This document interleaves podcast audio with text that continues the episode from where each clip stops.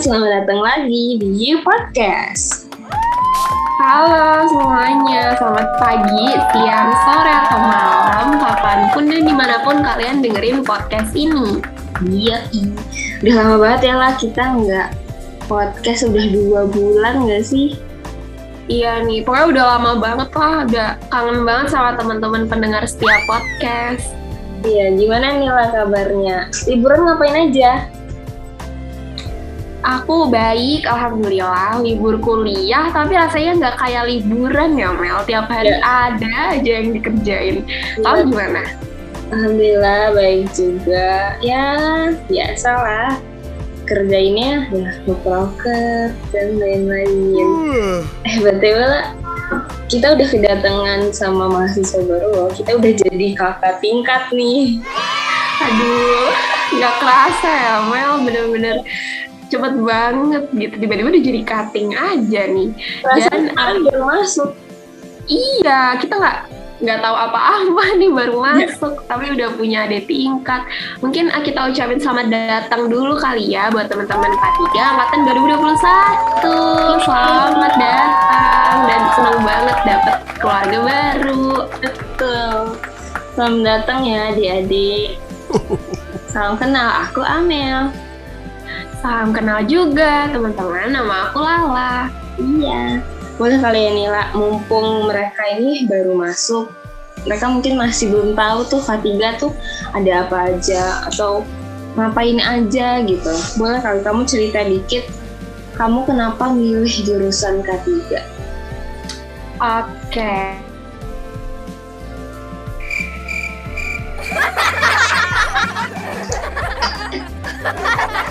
Udah pengen banget Mel ada jurusan ini. Soalnya seru banget mata kuliahnya terus juga peluang kerjanya luas banget.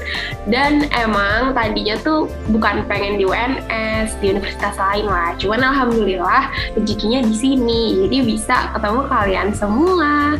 Kalau kamu gimana Mel ceritanya? Kalau aku ya, ini bakal cerita agak panjang ya ya. Jadi kalau aku dulu itu bener-bener nggak tahu yang namanya K3. K3 itu apa, ngapain aja tuh nggak tahu. Bener-bener nyari sendiri dari Google. Awalnya itu aku mau ngambil sastra kan, tapi karena nggak dibolehin orang tua, jadinya aku ikut tes psikolog gitu dari sekolah yang kayak nah hasilnya tuh bisa jadi gambaran kalian gitu sebenarnya kalian minatnya di mana. Nah, pas aku hasilnya itu kedokteran sama pokoknya yang berbau seni gitu deh. Nah, tapi aku tuh nggak mau dokter karena eh, apa namanya dokter tuh lama gitu kan. kayak belajarnya lama terus banyak. Terus kayak aduh nggak bisa deh aku nggak bisa gitu. Terus akhirnya mencarilah aku dengan eh, di Google tuh sumpah aku nyarinya tuh jurusan yang ada pertolongan pertama. Karena aku emang dari dulu tuh suka banget sama pertolongan pertama kan. Pokoknya yang mengobati gitu-gitu deh. Akhirnya aku ketemu deh K3 terus ya udah langsung jatuh cinta langsung kayak fix mau K3 ini fix banget nih jurusan aku Ih, keren banget sih. Dulu aku juga ngerasa kayak gitu kayak, wah ini jurusan kayak gue banget nih. Ya udahlah, langsung aja kan kita pengen ambil K3. Ini kurang lebih sama lah ya kita. Dan kamu sadar nggak sih Mbak, selama setahun jadi mahasiswa K3, kita tuh secara nggak sadar kayak lebih aware sama keselamatan dan juga suka ngamatin faktor-faktor bahaya gitu di sekitar kita. Kayak sesimpel uh, nyolokin kabel aja jadi hati-hati banget kan. Atau kayak posisi duduk gitu harus yang ergonomis gitu. Buat sumpah ya, aku kadang tuh kalau misalkan pergi-pergi keluar yang awalnya nggak tahu sprinkle, hydrant dan kawan-kawan tuh sekarang setiap ngelihat benda itu tuh kayak oh my god ini aku aku pelajarin ini nih ini tuh. Excited. Gini Iya benar benar benar benar. Dan bahkan tuh nggak cuman ke diri sendiri gitu, maksudnya ke orang lain pun kita jadi lebih ngingetin buat hati-hati terus apa pun aktivitasnya. Dan selain jadi makin sadar tentang keselamatan diri sendiri dan orang lain, apa aja sih Mel kira-kira yang kita pelajarin lagi di K3 tuh? wah sebenarnya banyak banget sih. Mungkin kalian tuh mikirnya kayak oh paling belajar tentang faktor-faktor bahaya atau cara menangani gimana. Padahal luas banget kayak hampir semua jurusan tuh ada di mata kuliah ini. Eh maksudnya ada di jurusan kita ini gitu. Pokoknya dari belajar tentang psikologi terus etika berkomunikasi terus kita belajar uh, data gitu cara cara ngumpulin data terus pokoknya banyak banget deh kayak semua itu ada undang-undang. Ih semua semua semua. Semua. Seru banget bener-bener seru banget dan beragam gitu loh nggak cuman ilmu kesehatannya doang kan. Dan di luar perkuliahan tuh juga banyak banget hal yang bisa kita ikutin gitu kayak perlombaan, organisasi, kepanitiaan gitu kan. Nah, kamu nih selama jadi mahasiswa tiga udah ngikutin apa aja nih kepanitiaan, organisasi atau lomba apa aja?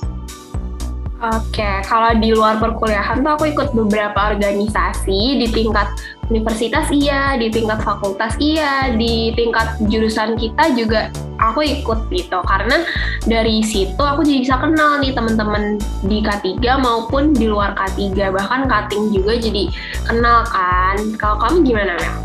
Kalau aku sih baru Kima aja ya, baru dari Kima, himpunan di jurusan kita. Mungkin tahun ini atau tahun depan aku mau nyoba-nyoba sih keluar. Karena sayang banget ya sih kalau misalnya nggak ikutin gitu. Padahal kan dapat banyak pengalaman ilmu teman baru gitu. Benar benar banget sih. Dan emang harus apa ya banyak nyari kegiatan gitu di luar kampus. Selain organisasi kan jurusan kita tuh juga hampir setiap minggu tuh selalu ada prestasi baru nggak sih Mel baik tingkat nasional maupun internasional. Iya benar banget. Apalagi kayak mereka tuh kadang diam-diam gitu tiba-tiba udah ada pengumuman menangnya aja terus kayak wah ya, keren, keren banget gitu.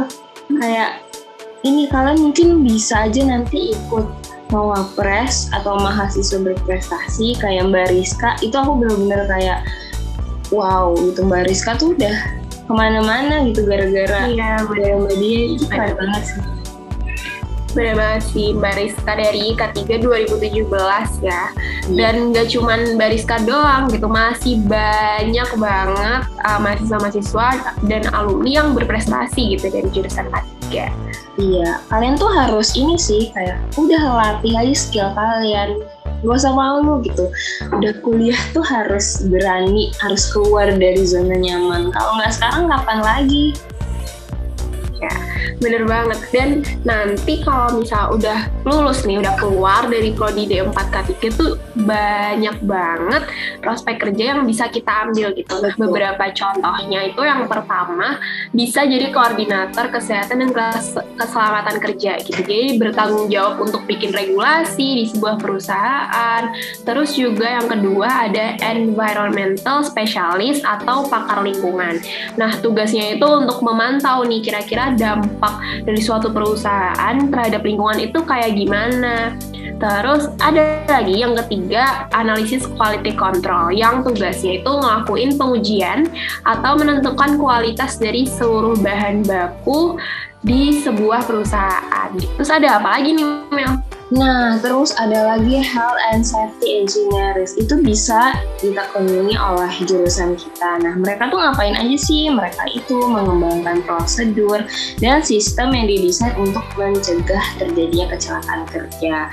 Terus ada lagi pengawas konstruksi bangunan. Ini nih kayak ini tuh sebenarnya pekerjaan yang wow gitu loh menurut karena uh, dari sini tuh kita kalau misalkan belajar tentang konstruksi bangunan tuh itu sangat menyenangkan gitu. Dan masih banyak banget lagi gitu. Sebenarnya kalau jurusan kita tuh semuanya dibutuhin gitu. Mau dari perhotelan lah chef apa pun itu pasti ada ahli kategorinya gitu. Jadi kalian nggak perlu takut kalau misalkan nanti kerja mau jadi apa karena semuanya tuh perlu kita tuh dibutuhkan gitu. Jadi nggak usah takut lah. Nah mungkin kalian juga bertanya-tanya gitu ngapain aja sih kerjanya? Nah kalau misalkan ahli K3 nih aku kasih tahu lah ya beberapa dikit. Jadi yang pertama itu ada menerapkan ketentuan peraturan perundang-undangan dan yang terkait dengan K3. Yang tadi kayak aku bilang kita juga belajar undang-undang. Terus ada merencanakan dan menyusun program-program K3. Jadi kita tuh ngasih tahu ke para pekerja harus ngapain aja biar tidak terjadi kecelakaan kerja. Terus habis itu kita juga melakukan evaluasi, terus kita melakukan apa e, melakukan laporan tentang penerapan K3 dan masih banyak banget banget lagi itu. Benar. Nah, itu tadi beberapa seluk-beluk kegiatan anak K3 dari kegiatan waktu kuliah, di luar perkuliahan, bahkan sampai ke prospek kerjanya nanti.